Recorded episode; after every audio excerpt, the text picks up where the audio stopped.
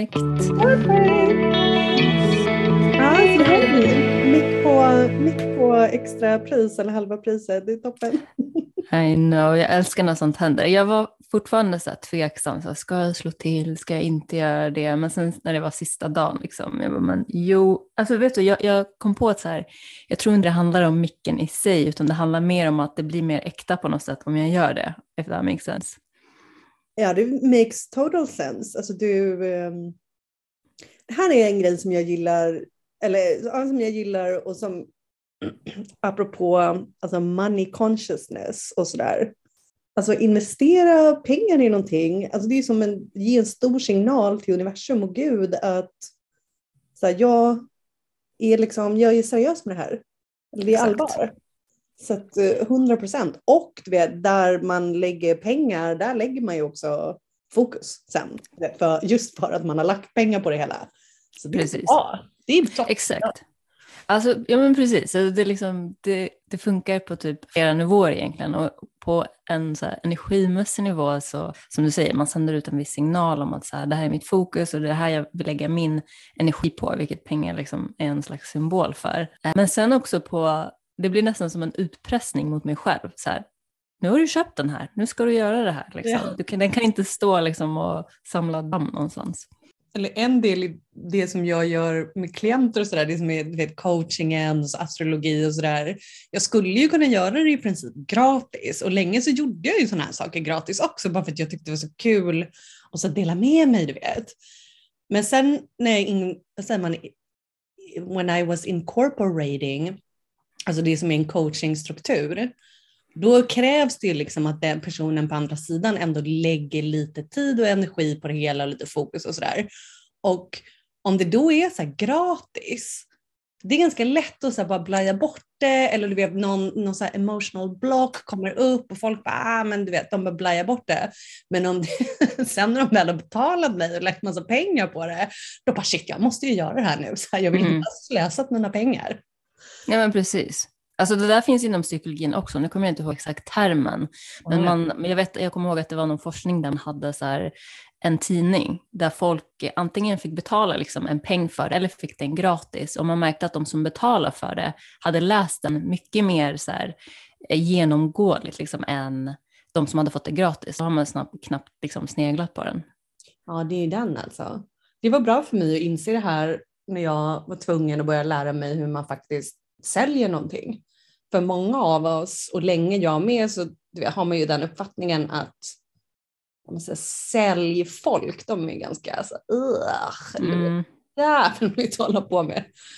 Och eh, alltså, det finns väl en poäng i det också, att många har ju bara velat alltså, rob you i princip. Men Ja. nu för tiden är det många som, som är som vi. Ja, precis. Och sen, jag tycker det är skillnad på, eller ja, i och för sig, för jag, jag har alltid känt sådär med säljare, att jag någonstans eh, inte har någon tillit till dem. Liksom. Eh, men eh, det beror ju helt på såklart, om det är att man har alltså, en god intention eller inte. Vissa säljer ju för att de vill ha en lön på kontot och vissa säljer ju genuint för att så här, jag har någonting äkta att erbjuda. Och if you want it, varsågod, om inte är det okej. Men jag tror att många så här, associerar säljare med de där som trycker på även om man säger nej till exempel. Ja, det är ju den. Då byter vi lite spår och går in på astrologi och vad det är som sker runt midsommartiden. Vad, vad representerar eh, eh, vad heter det, sommarsolståndet? Heter det det? Ja, just det. Sommarsolstilleståndet säger vi? Solstillestånd, ja just det. Mm. För vad, vad, liksom, eh, vad innebär det? Vad är det man ska ha utkik efter eller man säger? Jo, men det som, händer, det som det är, det är att det är den dagen som solen går in i kräftans tecken. Så vi pratar alltså noll grader kräftan, precis när, det, när solen går över till den delen av himlen. Liksom. Och det är alltså den dagen som det blir sommar. Det, by, det byter säsong. Liksom.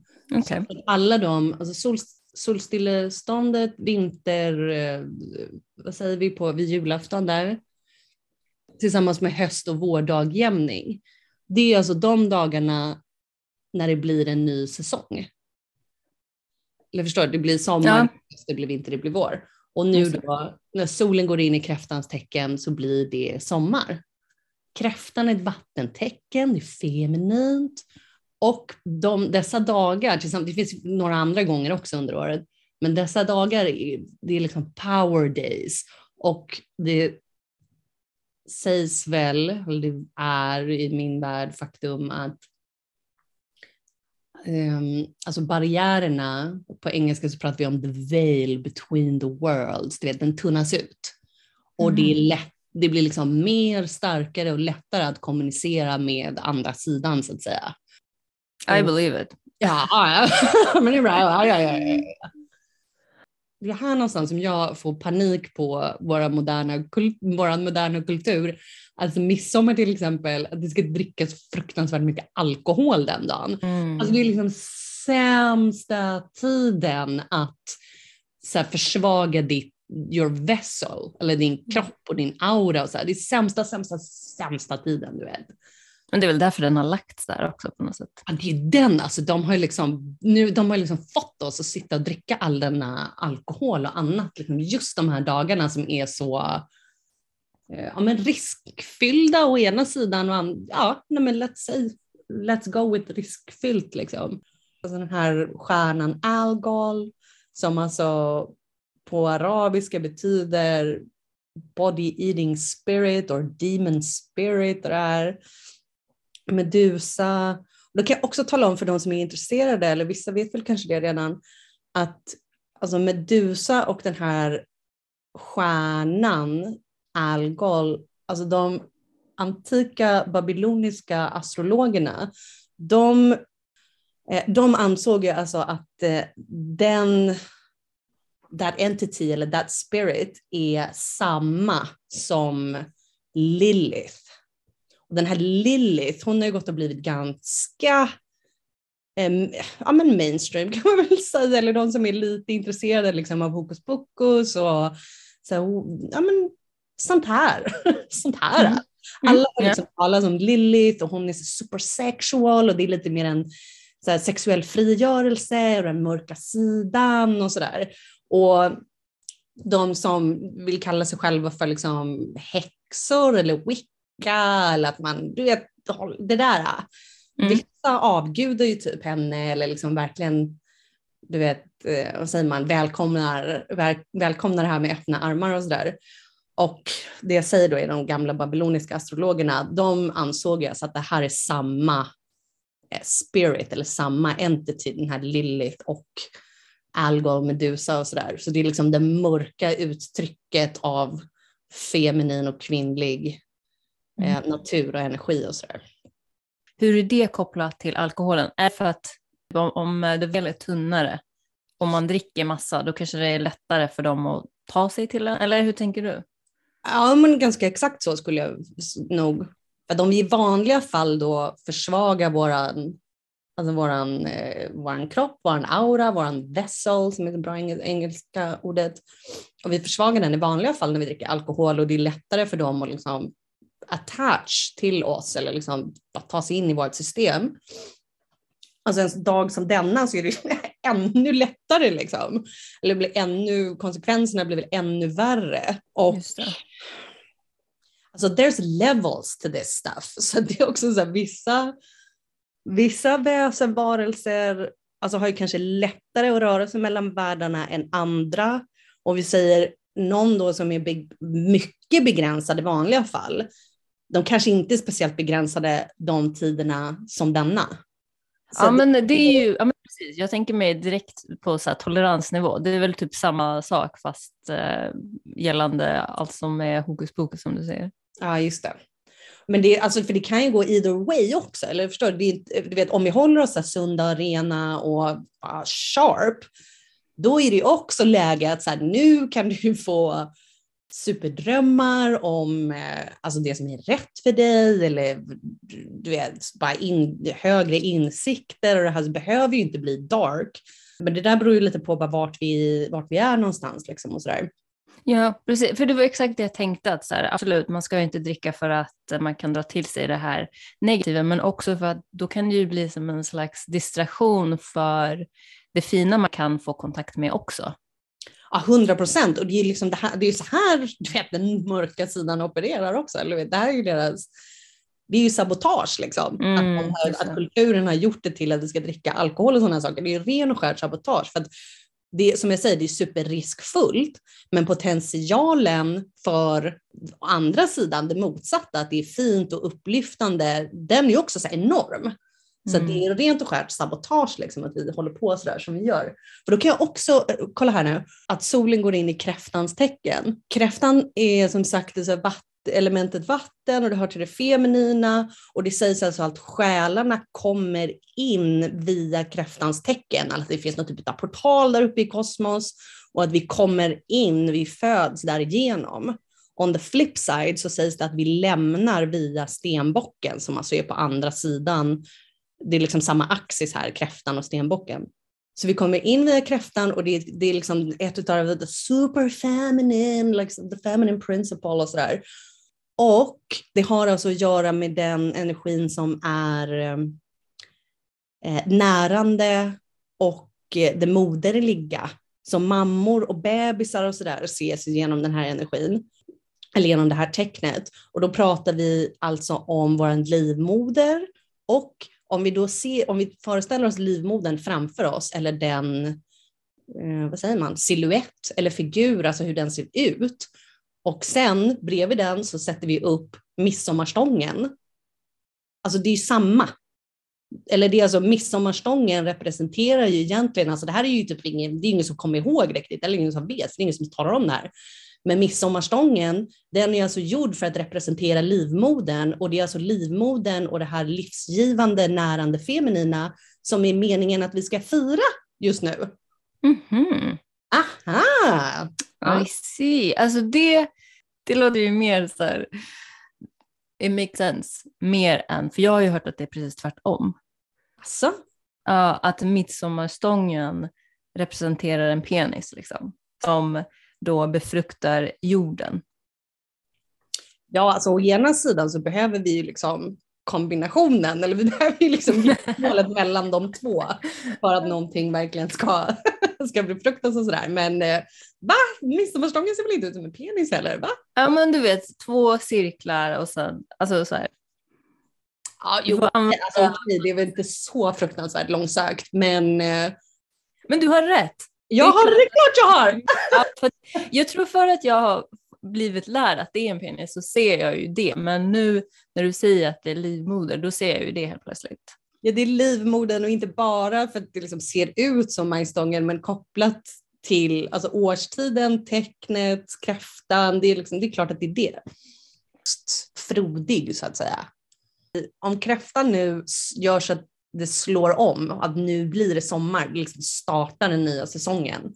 Så kräftan hör ihop med det, det kallas att det är ett cardinal cardinal-tecken, att det liksom sätter igång någonting och startar och det är nytt. Sen går vi in i lejonets tecken då istället när det är liksom högsommar och den här, det är bara på topp. Alltså du vet, det är sommar, det är bara så stabilt och fixt. Vänta, när sa du nu? I juli? Eller? Ja, precis. I juli så går vi in i lejonets tecken. Mm. Och då mm. är det liksom full-blown sommar och det är bara inget, inget tvekan om saken. Sen slutet av augusti och september, då går vi in i ditt härliga tecken i jungfrun istället, som är lite, så här, lite både och, du vet. Vissa dagar känns som sommar, vissa känns som att det börjar bli höst. Det är sensommar säger vi på svenska. Det är lite, men lite både och, du vet. Och det är där som vi skördar. Det är då vi liksom hämtar in det som är, som är planterat, som är jobbat på, som är omhändertaget. Då är det liksom dags att, att skörda. Mm. Och sen blir det höstdagjämning va? Solen går in i vågens tecken och bam, det är höst. Oh, spännande. Och vad kul att du så håller koll på när saker sker. Du, du måste sitta på så mycket, så här, eller sitter du i förväg och vet typ så här, men nu, nu, bör, nu är det det här? 100 procent. För nu, för, alltså, nu för tiden så skulle jag vilja påstå det, eller att det är som att, alltså det är som att veta vad klockan är typ. Och det här känner jag också då att det här är någon typ av okult vetenskap eller att astrologins kunskaper eller att den här informationen liksom har varit ganska dold så här, för massorna och sådär så himla länge. en anledning är också, känns det som att det är ett, så här, ett förtryck eller det är ett kontroll och makt att du vet, alltså hur ska du kunna skapa dig ditt liv, ett vettigt liv, så planera och göra rätt om du inte ens vet vad klockan är? Alltså haja, haja knas. Alltså, det, är ja. klart, det är klart att du måste veta här grejerna. Liksom. Men precis, men jag tror speciellt med astrologi känns det som, inte bara att det har varit fördolt, för det känns ju i alla fall i dina kretsar mer, men i mina kretsar är det ganska normaliserat på något sätt. Men i mainstream, det förlöjligas ju. Och det som visas är ju du vet, så här, i tidningar och Amelia och sånt som verkligen inte känns helt hundra alltid. Det kan stå typ tre rader, vilket jag har.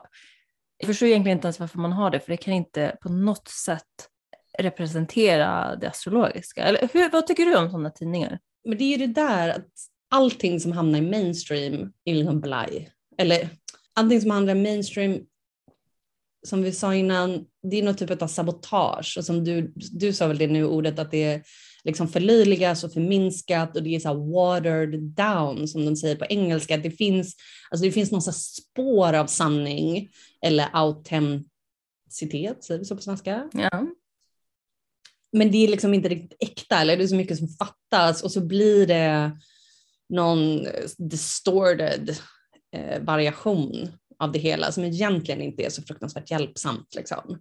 Men eller det är nog en ganska stor konversation ändå, för det är väl så sakta men säkert också som nya saker ska introduceras till vårt medvetande och sådär, till det kollektiva och till massorna. För att å andra sidan också, som jag har förstått det, så är astrologi också någonting som har kanske undanhållits människor för att vi så har inte varit redo för det ansvaret. Eller vi har inte varit redo för den eh, makten liksom. Nej men exakt. Det är därför det har varit så här, nej, du får, ni får inte veta för att ni kommer bara missbruka, ni kommer missbruka makten liksom. Det är, mm. Därför får ni inte veta. Så det är väl, väl många perspektiv. Absolut, det känns som att det där gäller ganska många mer spirituella ämnen. Um, ja, men så här, och är man redo då söker man sig till det. Det kommer inte bara finnas tillgängligt. Det finns som ledtrådar typ överallt. Så här, If you want it, come and get it. Liksom. Men det kommer inte serveras till en direkt. Nej, precis. Det är nog precis så jag är. Från uh, vissa spirituella lärare att uh, att det här är en väldigt intensiv tid och intensiv månad överlag. Att mycket, mycket gammalt släpper, eh, Eh, men att även många börjar få lite känsla för det nya som är på G. Absolut. Absolut, det är ju liksom, som vi säger, det är ganska eller det är dags att starta någonting nytt, dra igång något nytt, så som det här the cardinal energy, att liksom nu börjar vi någonting nytt. Och människor då som är födda med planeter eller viktiga punkter och sådär i kardinala tecken, de är ju fyra stycken, det är gärna folk som är sådär drivkraften, du vet, eller de som sätter igång någonting nytt och så här, kommer på något nytt, någon ny idé, kommer med något nytt sådär. Och sen så är det väl några andra som kanske du vet, fullföljer det hela eller jobbar med det så länge och sådär. Så det där visar sig ganska också, eller visar sig ofta också i våra mm, personlighet och liksom hur vi jobbar bäst och sådär. Det är ganska spännande. Mm. Vilka är de här kardinala tecken då? Jo, då är det alltså det första tecknet av allihopa, vilket är väduren, som alltså är maskulint, elementet eld. Och sen kommer kräftan, vatten och feminint. Sen är det vågen, det är maskulint och vi pratar om elementet luft. Och den sista är stenbocken, va? jord och feminint. Så det är de som är, eller det är de tecknen som är bra på att dra igång saker? Ja, precis. Och det är där, det är de som gör att vi, eller gör och gör, men med dem så byter vi årstid och liksom går in i ett nytt kvartal.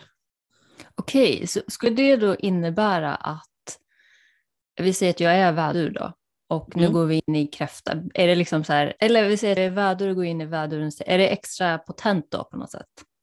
Ja, det skulle vi kunna säga. Och då kan jag lägga till att när det alltså vårdagjämningen heter det va, när solen går in i vädurens tecken. Astrologiskt sett så är det då det är nytt år. Det är då vi börjar en ny cirkel. Så att jag också nu som har nördat ner mig i det här så ordentligt de senaste, ja, men säkert fem, sex åren sådär, jag räknar ju att det nya året börjar då. Och sen så är det så här, ja men fine, jag finns ju i den i världen också, så fine att det är liksom, vi byter kalenderår där vid nyår då som det kallas, eller i januari. Men det är ju liksom inte början på den nya cykeln egentligen, det är ju snarare så här, sista kvartalet. Det är också mm. helt knas, du vet hur vår kultur är uppbyggd. Det är inte nytt då. Alltså, åh. Nej, jag vet, vet du, jag har även innan jag vaknade sådär, jag har alltid känt att något är av med nyår. Alltså det har inte känts som ett avslut och nystart. Jag har till och med slutade gå på sådana firanden och sådär för ganska många år sedan och var bara hemma för att det kändes som en blaha-dag. Liksom. Ja, men alltså, du, du är så aligned med det där. Jag började väl, eller jag var också så här, tyckte nog aldrig att det var speciellt kul och sen sakta men säkert så var det så här, mindre och mindre intresse och till slut så bara Alltså det var knappt så att jag, så här, vad, vadå, händer det något speciellt liksom idag? Eller, Just och så, för då kommer jag ihåg, jag har lyssnat och lyssnade på någon annan, någon annan mystic i USA såklart. Och du vet, där borta så har de ju någon så här jättestort eh, firande tradition på, där på Times Square i New York när alla tittar på hur de, så här, when they drop the ball. Alltså det är någon mm. stor så här, det är någon sån grej om att de liksom tappar bollen. Och, alltså jag vet inte om det är någon referens till deras eh, liksom, sport eller sådär, men den här mystiken, han satt och påpekade alltså, han bara this is, oh, oh my god, alltså han var på lack ut, jag var så upprörd över det här. Men han bara you're dropping the spiritual ball, alltså du vet när du, när du medverkar i det här firandet, du liksom du går med på att typ tappa all din andliga kunskap och eh, vad säger man, progress, alltså all, det som, all den framgången rent andligt som du har gjort det senaste året. Du går liksom med på att typ radera det där när du går med i den här ritualen att titta på hur vi tappar bollen. Du bara tapp, mm. du tappar din andliga boll liksom. Sluta. Ja, men jag bara tyckte att så wow, han har ju 100% rätt. Alltså allt sånt där nu är de ju ännu mer extrema i uh, USA känns det som, men jag tror att det är jätteviktigt att komma ihåg att allt sånt där brukar oftast vara väldigt symboliskt utan att folk förstår innebörden av det. Det är det där, för det är en annan grej som har blivit att, så här, bara lite blaj och eller det är väl inte äkta, så här, du vet, ritualer liksom och rituell magi och sådana här saker, för det låter ju så himla woo. Men det är, liksom, det är for real. Och här går vi runt här går vi runt och liksom medverkar i alla dessa ritualer så här, helt omedvetet. Men vi har ju verkligen tränats in i att allt som inte går att ta på finns inte på något sätt. Alltså jag menar även det med svart magi och sådär, eller magi överlag, är någonting som väldigt, väldigt sent slog mig förmodligen också stämmer. Alltså det var ju inte alls länge sedan som jag ändå var på den nivån att det var så här, nej men vadå, dark forces och man skickar energi hit och dit det kan inte stämma. Samma sak som du säger med ritualer, ja, men vad, vad, är det för någonting? Tills man inser, liksom, eller det slår en i ansiktet att jo, det, det är någonting som ligger i det. Jag tror att jag och liksom alla andra sådär, till och med de som är ganska andligt uppkopplade då eller liksom med på, med på den här vågen, och som vi säger att i våra kretsar så har alla kanske så accepterat att astrologi är for reals och, och valid och sådär. Så Alltså jag tror att det är ganska svårt, det här pratade vi om sist också, det är ganska svårt för våra psyken att acceptera hur evil alltså det kan vara. Mm. Eller hur illa vissa verkligen är, eller alltså vissa är verkligen ute efter att göra oss illa på en nivå som är så svårt att ens förstå. Så det är ja, alltså jag, precis. Ja, men exakt. Jag tror att folk har väldigt svårt att se hur mörk världen är, men också tänker jag hur magiskt. Så här, som du sa förut, liksom, att det går ju åt andra hållet med. Jag tänker typ, ja men så här, man får kontakt med liksom finare varelser eller, eller se liksom det magiska i det vardagliga som man stressar förbi. Så absolut att man har svårt att förstå och ta in hur mörk världen är och när, man, när den verkligheten slår en, det är inte det roligaste.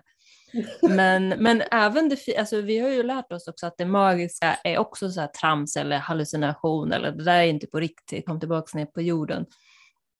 Så att vi har ju levt så sjukt begränsat och när man börjar vakna upp till det där, det kan ju lätt bli en chock när man inser så här, att världen inte alls vad man tror att det är. Och jag som vet inte, kött och blod och vatten liksom, är inte heller vad jag har lärt mig att jag är. Nej visst. men det är så sant det du säger. Det är ju, men, bara det, som, det du säger att det som inte syns liksom inte finns och bara gå med på det här magiska eller att det finns mycket mer liksom, än den 3D-verkligheten och sådär. Jag hamnar ju på det här, det är så mörkt och så evil liksom, bara för att jag men bara för att jag hade varit karma där eller jag hade, du vet, jag, med min men jag, jag förstår det, för jag tror, jag tror att det är där det börjar för väldigt många. Alltså att man ser det mörka och att man blir arg och jag tror att det tillhör ganska mångas karma att så här, bli arg, för det kan ju också vara ett sätt att här, ta tillbaka sin makt och sin power och ja. att se saker mer objektivt istället för att sugas in i det. Jag menar, jag vet att när jag vaknade upp till det så kände jag mig väldigt arg och så grundlurad. Liksom. Um, och så, då måste man ju ta sig igenom det och, och liksom läka det. Det är också en del av processen. Och sen så börjar man ju se det ljusa också. Men jag tror att alla måste ha eh, den delen av vägen som, man, som ser det mörka. Och sen kan man ju gå och pendla. Jag tror ju, du är ju mer på den nivån att pendla fram och tillbaka. Det är jag också här, även om jag kan se det mörka som objektiv, mer objektivt och inte ger så mycket makt och uppmärksamhet. Jag vet ju att det finns där och det finns dagar när jag sugs in i det igen och bara you bastards typ. Men, men sen så åker man tillbaka igen och bara, men jag är här i min la la land liksom. Ja, nej men för sen någonting som jag kan bli så avundsjuk på vissa gånger då, eller det, det finns ju många människor där ute också som är medvetna om de här sakerna, men de har inte behövt uppleva eller liksom vara mörka själva så pass typ den här killen som jag träffar nu då, han är liksom väldigt dignified, vad det ordet nu är på svenska. Han är väldigt dignified, alltså han är väldigt värdig. Och vad mer? Mm, värdig, vördnadsbjudande är en annan, okay. en annan som kommer upp när man... Vet du vad jag tänker när du, när du säger de orden? Jag tänker mig någon som är väldigt pure med väldigt stängda väggar så att inget negativt eller mörkt kommer in. Liksom. Man tillåter inte det. Det är nog väldigt korrekt. Alltså för så skulle jag nog verkligen kunna beskriva den här killen. Att alltså han, är så här, han är super solid och så strong. Liksom. Han, det, nej, han låter inte de där grejerna komma in. Liksom. Och det var väl det jag sa, eller försökte säga att många människor där ute i världen är ju också medvetna om de här sakerna, men de har inte upplevt det på samma sätt som vissa av oss här. Det här som du säger, vi känner oss grundlurade och manipulerade och traumatiserade liksom av att, av att inte ha vetat om de här sakerna tidigare det är väl det där som också spelas, speglas i, i, eh, i världen just nu, eller hur? Att alla pratar om så narcissister, narcissism och the empath och vi kollar på Amber Heard och Johnny Depp där borta. Och att eh, ja, vi liksom lär oss om det där, om ja, men abuse i, i relationer och sådär. Precis. Jag tycker det är ett jättebra exempel för att man märker ju mer och mer, alltså ibland blir jag så här, är det jag som råkar hamna på sidor där det till exempel pratas mycket om narcissism eller healing hade jag också jättelång tid och fortfarande då, då men är det liksom jag som drar till mig den infon eller är det det kollektiva som förändras? Så, för det känns som att den, de typer av communities har ju bara exploderat senaste tiden. Men jag tror att det är det kollektiva som liksom går, att vi går igenom det här gemensamt, att inse, du vet, wow, de här skillnaderna, eller det mörka och det ljusa, eller att vara en bra person, att inte vara en bra person. Och det, tror jag att, det som jag bara tror att många kanske missar, det är ju det där att alla har narcissistiska tendenser. Och att, Absolut. Du vet, vissa är så här, oh my god I'm the victim och jag är empath och bara stackars mig och oh, gud, narcissisterna bara utnyttjar mig. Men alltså, någonstans så är det ju för att det där är inom dig min vän. Precis. Alltså jag tror att det kommer vara nästa steg i de här communitiesarna, att man inser att det är inte bara you're an empath, you're a narcissist, utan att det är här, båda ni två är precis samma. Alltså ni är båda empath och narcissist. Och det är väl det som är det svåraste. Jag tror att steg ett, att det är lätt att peka på någon annan och så här, du är narcissistisk av dig. Det är mm. mycket svårare att vända fingret mot sig själv. Det behöver inte betyda att man är 100% narcissist, men alla har vi de aspekterna. Ja, precis. Visst, det är olika nivåer, men det är... Ja. Jag, fick, alltså jag tyckte att jag ganska snabbt bet det där sura äpplet när saker och ting föll isär med mig och mitt ex. För att han, alltså han var så långt ifrån en ängel med mig. Men jag hade ju, det var ju, jag hade ju liksom, det var, jag hade ju sett till att jag hamnade där och jag var tvungen att inse så här, varför, eller hur? Och om jag tyckte att han utnyttjade mig, alltså jag utnyttjade ju honom också liksom.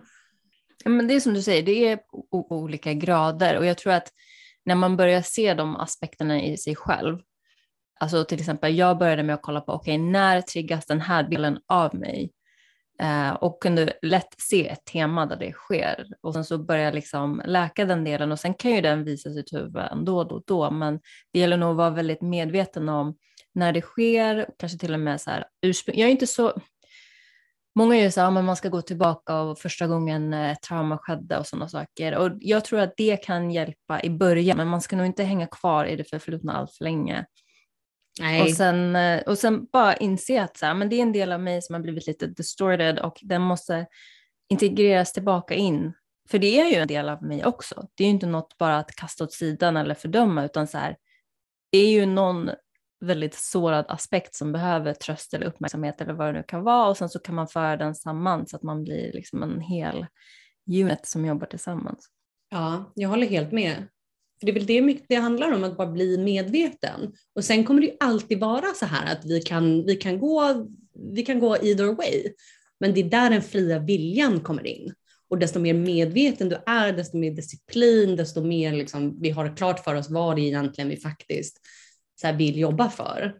Så lär vi oss att hantera våra, våra issues, det är ju det. Liksom. Ju mer man jobbar med sig själv och blir medveten som du säger och väljer att inte bara bli medveten men faktiskt så här, göra något åt saken. Sitta med sig själv, eh, ge tid till sig själv, investera i sig själv som vi pratade om i början. Desto lättare och lättare blir det att märka när det är grus i maskineriet det går inte att förbise saker. Så ju mer så här, jobb man gör med sig själv, desto mer märker man när någonting verkligen inte står rätt till. Även om det från utsidan kan se litet ut eller man för tio år sedan hade inte ens reagerat på det. Man förfinas liksom hela, hela tiden. Ja, visst. Det är där spiralen kommer in, eller hur? Att det är inte meningen att det ska liksom vara avklarat och fixat på en gång, utan Ja, det går ju inte ens. Processen, nu processen, lite i taget. Heavy work. Men du, nu är jag superintresserad av att veta hur det går.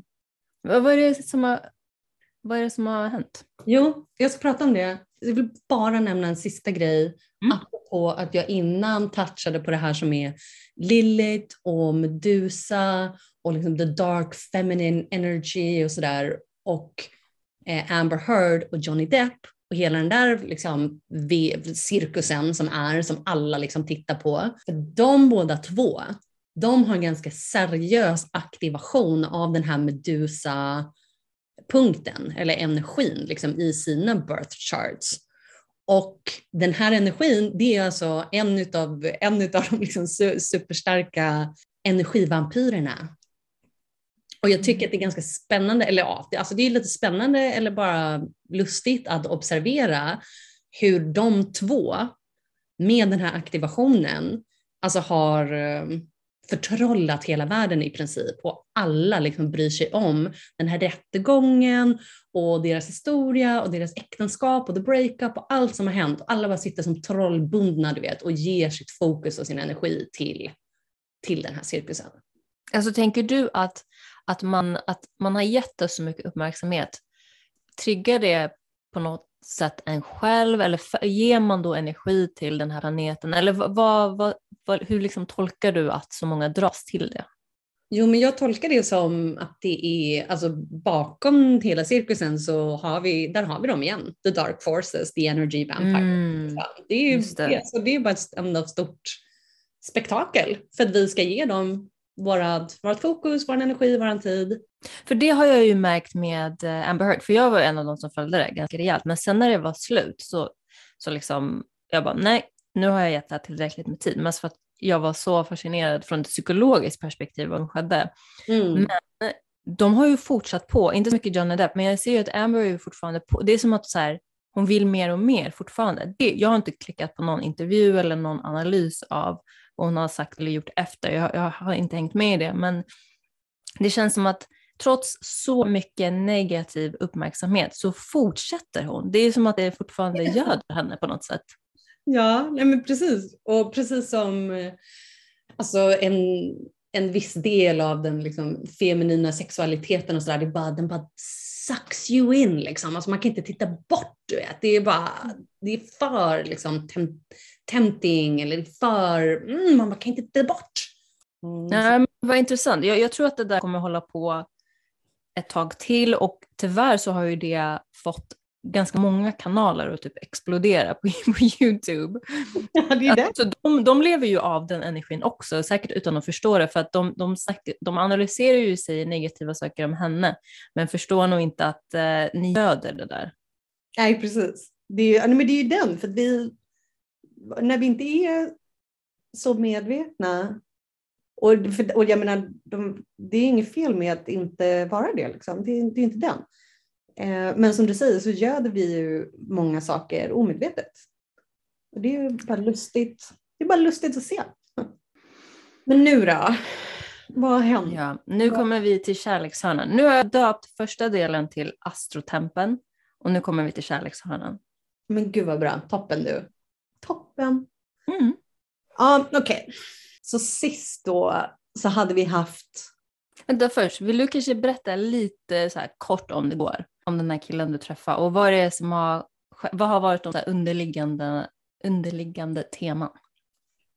Okej, okay, så här då. Jag, precis där i slutet av april va? Slutet av april då bestämde jag mig för att eh, nu ger jag upp på det här att försöka, försöka liksom hitta hitta någon typ av partner eller dejta, den här Bumble-appen som jag hade provat ett halvår. Jag var bara så här klar med det där. Jag tyckte inte att det ledde till någonting. Det var bara lite mer heartbreak, lite mer besvikelser.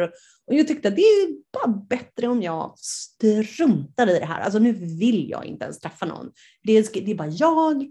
Jag ska fokusera på familjen och lite jobb och typ Gud. Och jag bara, nu, jag struntar i det här. Och en vecka senare, du vet, såklart, för det var också det med datingappen då, att jag är ju, alltså blame it on my ascendant in Taurus och sens tecken, att jag vill, jag vill att saker och ting ska vara så naturligt som möjligt. Och jag var inte helt övertygad på de här apparna liksom.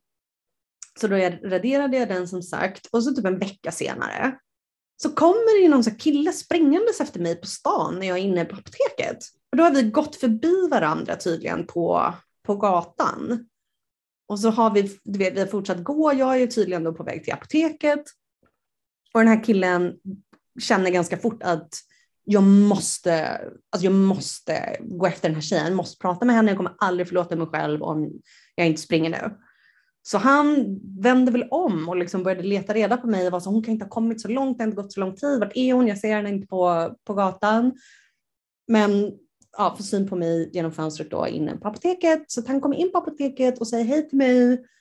Och ja, och där börjar det då. Där börjar det. Jag visste väl inte, jag var så här, ja, han fick väl mitt nummer då för jag visste inte riktigt hur jag skulle liksom avsluta mm, annars. Och du vet, ett ganska litet apotek och jag tyckte väl att hon så här, bakom kassan typ tittade lite snett på oss. Tyckte väl att vi inte skulle stå där och romansa. så att jag du vet, ja, han fick väl mitt nummer då och sa visst vi kan väl käka lunch någon gång kanske, hej hej ha det bra. Och, så här.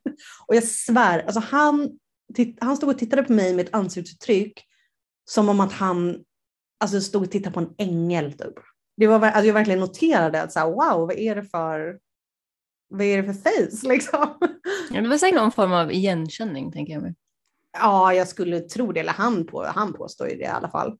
Och ja, jag noterade väl att han det är den mest attraktiva mannen jag har sett, men han är inte oattraktiv heller på något sätt. Och sen så ringde han och skickade sms, eller det satte igång liksom. Han har varit så attentive sen dess. Och alltså det är inget tvivel om att han är intresserad, du vet.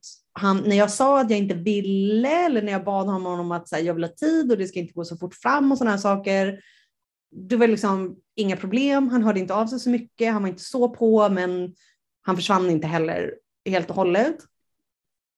Och nu har det gått då, ja, en och en halv månad eller någonting då, sen, sen dess. Och nu känns det väl som jag nämnde till och med sist vi pratade tror jag, det känns ju typ som att vi är, det känns som att det är liksom han och jag, eller det är menat att det ska vara så. Och, så där.